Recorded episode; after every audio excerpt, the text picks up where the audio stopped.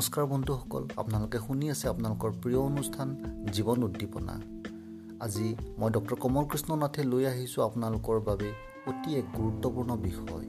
বিষয়টো হৈছে আপোনাৰ মগজুটোক কিদৰে শক্তিশালী কৰিব তাৰ দহটা উপায়। আমি জানো যে শৰীৰৰ আটাইতকৈ গুৰুত্বপূৰ্ণ অংগটোৱে হৈছে আমাৰ মগজু কাৰণ শৰীৰৰ অন্য সকলোবোৰ অংগ প্ৰত্যংগক ই নিয়ন্ত্ৰণ কৰে। সেয়েহে মগজুত হোৱা অকণমান হানি বিঘিনিয়ে এনেকুৱা এক সমস্যাৰ সৃষ্টি কৰিব পাৰে যিটো আমি কল্পনাই কৰিব নোৱাৰোঁ। সেয়ে আমি সদায় আমাৰ মগজুটোক প্ৰটেক্ট কৰিবলৈ চেষ্টা কৰা উচিত। আনহাতে আমাৰ মগজুটো ভবা ধৰণে শক্তিশালী কৰি আমি বিচাৰি থকা সুখ সফলতা আৰু এক সুন্দৰ জীৱন লাভ কৰিব পাৰোঁ। তেন্তে আমি গম পালোঁ যে মগজুটো শক্তিশালী কৰা নিতান্তই প্ৰয়োজন। কিন্তু আমি ভাবি থকা ধৰণে ই বহুত কঠিন কাম নহয়। কেইটামান সাধাৰণ ষ্টেপছ লৈ ই আমাৰ ব্ৰেইনটোক ষ্ট্ৰং কৰিব পাৰোঁ। মগজুটো শক্তিশালী হ'লে আমাৰ কি কি লাভ হ'ব? এই লিষ্টখন বহুত দীঘলীয়া। আমি ভালদৰে ভাবিব পাৰিম চিন্তা কৰিব পাৰিম সিদ্ধান্ত গ্ৰহণ কৰিব পাৰিম স্মৃতিশক্তি বৃদ্ধি হ'ব বুদ্ধি প্ৰখৰ হ'ব এনজাইটি ডিপ্ৰেশ্যন আদি বিভিন্ন ধৰণৰ মানসিক সমস্যাৰ পৰা আমি আঁতৰি থাকিব পাৰিম। কিন্তু সবাতোকৈ ডাঙৰ কথা মনত এক স্ফূৰ্তিৰ ভাৱ আহিব। মনটো শান্ত আৰু সৌম্য হ'ব। জীৱনটোত বিভিন্ন ভাবি থকা কামবোৰ আমি কৰিব পাৰিম উৎসাহ অনুভৱ কৰিম নিজক লৈ এক সুখী অনুভৱ কৰিম। ইমানবোৰ লাভ থকাৰ পিছতে কোনেনো বাৰু মগজুটোক শক্তিশালী কৰিব নিবিচাৰিব? আহকচোন আমি দেৰি নকৰোঁ। আজি এই অনুষ্ঠানত মগজুক শক্তিশালী কৰা দহটা উপায় এটা এটাকৈ আমি আলোচনা কৰোঁ। পোনপ্ৰথমে আমি ক'ব বিচাৰিছোঁ এটি সুন্দৰ খাদ্যাভ্যাস বা ডায়েট আৰু নিউট্ৰিশ্যনৰ বিষয়ে। যিটোৱে মগজুক পৰিপুষ্টি প্ৰদান কৰে। তাৰ বাবে আমি সেউজীয়া ৰং বিৰঙৰ শাক পাচলি চালাড প্ৰচুৰ পৰিমাণে গ্ৰহণ কৰা উচিত। এই ভেজিটেবলছবোৰত বিভিন্ন ধৰণৰ ভাইটামিনছ মিনাৰেলছ চল্টছ আদি থাকে। ইয়ে মগজুলৈ অক্সিজেন ট্ৰেন্সপৰ্টেশ্যনত সহায় কৰে। যেনে ফুলকবি ব্ৰিকলি আলুত যথেষ্ট পৰিমাণৰ ভিটামিন বি ছিক্স পটেছিয়াম আদি পোৱা যায়। মাছত অমেগা থ্ৰী ফেটি এচিডছ মাংসত ভিটামিন বি টুৱেলভ কণীত কলিন পোৱা যায় যি ব্ৰেইন ডেভেলপমেণ্টত যথেষ্ট পৰিমাণে সহায় কৰে। সেয়েহে নন ভেজ গ্ৰহণ কৰা লোকসকলে এক নিৰ্দিষ্ট পৰিমাণে আমিষ খাদ্য গ্ৰহণ কৰাত বাধা নাই। ড্ৰাই ফ্ৰুটছ যেনে কাজু খেজুৰ কিচমিচ আৰু প্ৰাকৃতিক ফল যেনে আম জাম মধুৰিআম মৌচুমী সুমথিৰা আংগুৰ আদি যথেষ্ট পৰিমাণে ল'ব। আনহাতে মগু আৰু মাহজাতীয় খাদ্য ব্ৰেইনৰ বাবে খুবেই ইউজফুল এতিয়া আহিছোঁ নাম্বাৰ টু ই হ'ল ভিটামিন ডি যি ব্ৰেইন আৰু বন দুয়োটাকে সহায় কৰে। নেচাৰেল ভিটামিন ডি আমি ৰাতিপুৱাৰ কোমল ৰ'দত পাওঁ কিন্তু প্ৰখৰ ৰ'দ আমি পাৰ্যমানে পৰিহাৰ কৰা উচিত। নাম্বাৰ থ্ৰী হৈছে এ গুড নাইট শ্লিপ অৰ্থাৎ এক সুন্দৰ টোপনি। ৰাতিৰ সাত আঠ ঘণ্টাৰ গভীৰ টোপনি আমাৰ সকলোৰে বাবে খুবেই গুৰুত্বপূৰ্ণ। দিনত কেতিয়াবা শুলেও ই ত্ৰিছ মিনিটৰ বেছি হোৱা উচিত নহয়। মনত ৰাখিব ৰেগুলাৰ শ্লিপ ডিপ্ৰাইভেশ্যন বা ক্ষতি আমাৰ বহু ৰোগৰ কাৰক। নাম্বাৰ ফ'ৰ হৈছে ব্যায়াম বা এক্সাৰচাইজ। ই মূলতঃ দুবিধ এৰবিক এক্সাৰচাইজ আৰু মাচুল ষ্ট্ৰেচিং এক্সাৰচাইজ। এৰবিক এক্সাৰচাইজে ব্লাড চাৰ্কুলেশ্যনত সহায় কৰে। ফলত ব্ৰেইনলৈ অক্সিজেনৰ মাত্ৰা বৃদ্ধি হয়। ই হাৰ্ট আৰু ব্ৰেইন দুয়োটাৰে বাবে খুবেই লাভদায়ক। সেয়েহে আমি অন্ততঃ বিছ মিনিটৰ বাবে হ'লেও বা সৰ্বাধিক এক ঘণ্টা বা ডেৰ ঘণ্টা সময়লৈ এক্সাৰচাইজ এৰবিক এক্সাৰচাইজ কৰা উচিত। এই এৰবিক এক্সাৰচাইজবোৰ সৰহকৈ খোজ কঢ়া দৌৰা জঁপিওৱা আদিও হ'ব পাৰে। তাৰ লগে লগে আমি মাচুল বিল্ডিং বা ষ্ট্ৰেচিং এক্সাৰচাইজবোৰ কৰিলে বেছি সুফল লাভ কৰিম।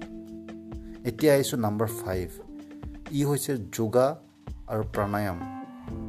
ই শৰীৰৰ লগতে মনটো বিভিন্ন ধৰণে সহায় কৰে মনলৈ সুস্থিৰতা প্ৰদান কৰে। প্ৰাণায়ামে মগজুলৈ অক্সিজেন চাৰ্কুলেশ্যন বৃদ্ধি কৰে। এণ্ড্ৰফিনৰ অন্তৰ্গত চেৰটনিন ডপামিন আদি সুখপ্ৰদ ৰসায়নবোৰ মগজুত নিঃসৰণ হোৱাত সহায় কৰে। এতিয়া আহিছোঁ নাম্বাৰ ছিক্স ই হ'ল নিগেটিভ থিংকিং অৰ্থাৎ ঋণাত্মক চিন্তাৰ পৰা পাৰ্যমানে আঁতৰত থকা। তাৰ বাবে আমি এক নিজকে ক্ৰিয়েটিভ অৰ্থাৎ সৃষ্টিশীল কামত নিজকে ব্যস্ত ৰাখিব লাগিব। যিকোনো নিগেটিভ থটছ আমাৰ মনলৈ আহিলে তাক কিদৰে পজিটিভ থটছলৈ কনভাৰ্ট কৰিব পাৰি বা ৰিডাইৰেক্ট কৰিব পাৰি সেই পদ্ধতিটো আমি জানি শিকি জানি বুজি ল'ব লাগিব। এতিয়া আহিছোঁ নম্বৰ ছেভেন আমাৰ চাৰিওপিনৰ পৰিৱেশটো খুবেই গুৰুত্বপূৰ্ণ। ই নিট আৰু ক্লিন হ'ব লাগে। আমাৰ লাগতিয়াল বস্তুবোৰ থওঁতে আমি সাৱধান হ'ব লাগে যাতে এইবোৰ সহজে আমি বিচাৰি পাওঁ। তাৰ বাবে এক ডিচিপ্লিন নিজৰ মাজত গঢ় দিবৰ প্ৰয়োজন আছে। লগে লগে আমাৰ চেৰাউণ্ডিংটো হেল্ডি ক্লিন অৰ্থাৎ পৰিষ্কাৰ হোৱা প্ৰয়োজন যাতে এইবোৰে মনলৈ এক স্ফূৰ্তি আৰু প্ৰফুল্লতাৰ ভাৱ কঢ়িয়াই আনে। নম্বৰ এইট হৈছে মগজুটোৰ সুৰক্ষা প্ৰদান কৰা। ই বিভিন্ন ধৰণৰ হ'ব পাৰে হ'ব পাৰে। আঘাত আদিৰ পৰা বাচি থাকিবলৈ ড্ৰাইভিং কৰোঁতে হেলমেট ছিট বেল্ট আদি ল'বলৈ নাপাহৰিব। মগজুৰ ক্ষতি সাধন কৰা খাদ্য বেছি পৰিমাণে নাখাব যেনেকুৱা অত্যাধিক পৰিমাণৰ চুগাৰ বা চল্টছ ক'ল্ড ড্ৰিংকছ এইবোৰৰ পৰা আঁতৰত থাকিব। এক্সেচিভ ফেটছ অইলছ ৰেডবিন আদি পৰিহাৰ কৰিব। মগজুক ক্ষতি কৰা এলকহল ড্ৰাগছ টবেকো আদি পৰিহাৰ কৰিব। অন্য এটা সমস্যাৰ কথা ক'বলৈ ওলাইছোঁ যিয়ে মগজুক আমি নজনাকৈ ক্ষতি কৰি আছে। বিষয়টো হৈছে বৰ্তমান সময়ত উপলব্ধ social media video' games pornography TV শ্ব'জ এইবোৰৰ এক্সেচিভ ইউজেও আমাক ব্ৰেইনক যথেষ্ট পৰিমাণে ক্ষতি কৰে। গতিকে এইবোৰৰ প্ৰতি আসক্ত হোৱাৰ আগতে এইবোৰৰ পৰা আপুনি আঁতৰি আহক। নম্বৰ নাইন এইটো হৈছে লাৰ্ণিং অৰ্থাৎ সকলো সময়তে কোনো নতুন বিষয় শিকাত নিজকে ব্যস্ত ৰখা। বৈজ্ঞানিক পৰীক্ষাত দেখা পোৱা গৈছে যে নতুন কথা শিকাত নিজকে ব্যস্ত ৰাখিলে মগজুৰ স্নায়ুকোষ পৰিৱৰ্ধন হয় নতুন ব্ৰেইন চেল কানেকশ্যনৰ সৃষ্টি হয়। তাক মেডিকেল লেংগুৱেজত আমি নিউৰ'প্লাষ্টিচিটি বোলো। ই ব্ৰেইনক সজীৱ কৰি ৰাখে। এতিয়া আহিছোঁ অন্তিম অৰ্থাৎ নাম্বাৰ টেন এইটো সকবাত সবাতোকৈ গুৰুত্বপূৰ্ণ। এইটো হৈছে ষ্ট্ৰেছ মেনেজমেণ্ট বৰ্তমান সময়ত আমি অতিকে ষ্ট্ৰেছত ভুগিব লাগে। আৰু তাৰ ফলত আমি বিভিন্ন ধৰণে সমস্যাত বা মানসিক ভাৰাক্ৰান্তত ভোগোঁ। বিভিন্ন ধৰণৰ মানসিক উদ্বেগ হতাশা খন খং ক্ষোভ ঈৰ্ষা আদি আমাৰ মনত নজনাকৈ থিতাপি লয়। এইবোৰৰ পৰা নিস্তাৰ পাব নোৱাৰিলে ই গৈ পিছত ডাঙৰ সমস্যাৰ সৃষ্টি কৰে। গতিকে ষ্ট্ৰেছ মেনেজমেণ্ট আমি ভালদৰে জানি বুজি ল'ব লাগিব শিকিব লাগিব। তাৰ বাবে ধ্যান প্ৰণায়াম আৰু মাইণ্ডফুলনেছৰ সহায় ল'ব লাগিব।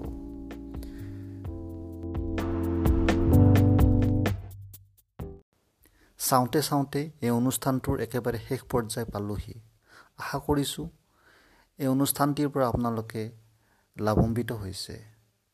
আমি আগলৈকেও আপোনালোকৰ প্ৰিয় অনুষ্ঠান জীৱন উদ্দীপনাত এনেকুৱা ধৰণৰ বিষয়বস্তু লৈ আহিম লগতে বিভিন্ন সমস্যা আৰু তেওঁলোকৰ সমাধানো লৈ আহিম।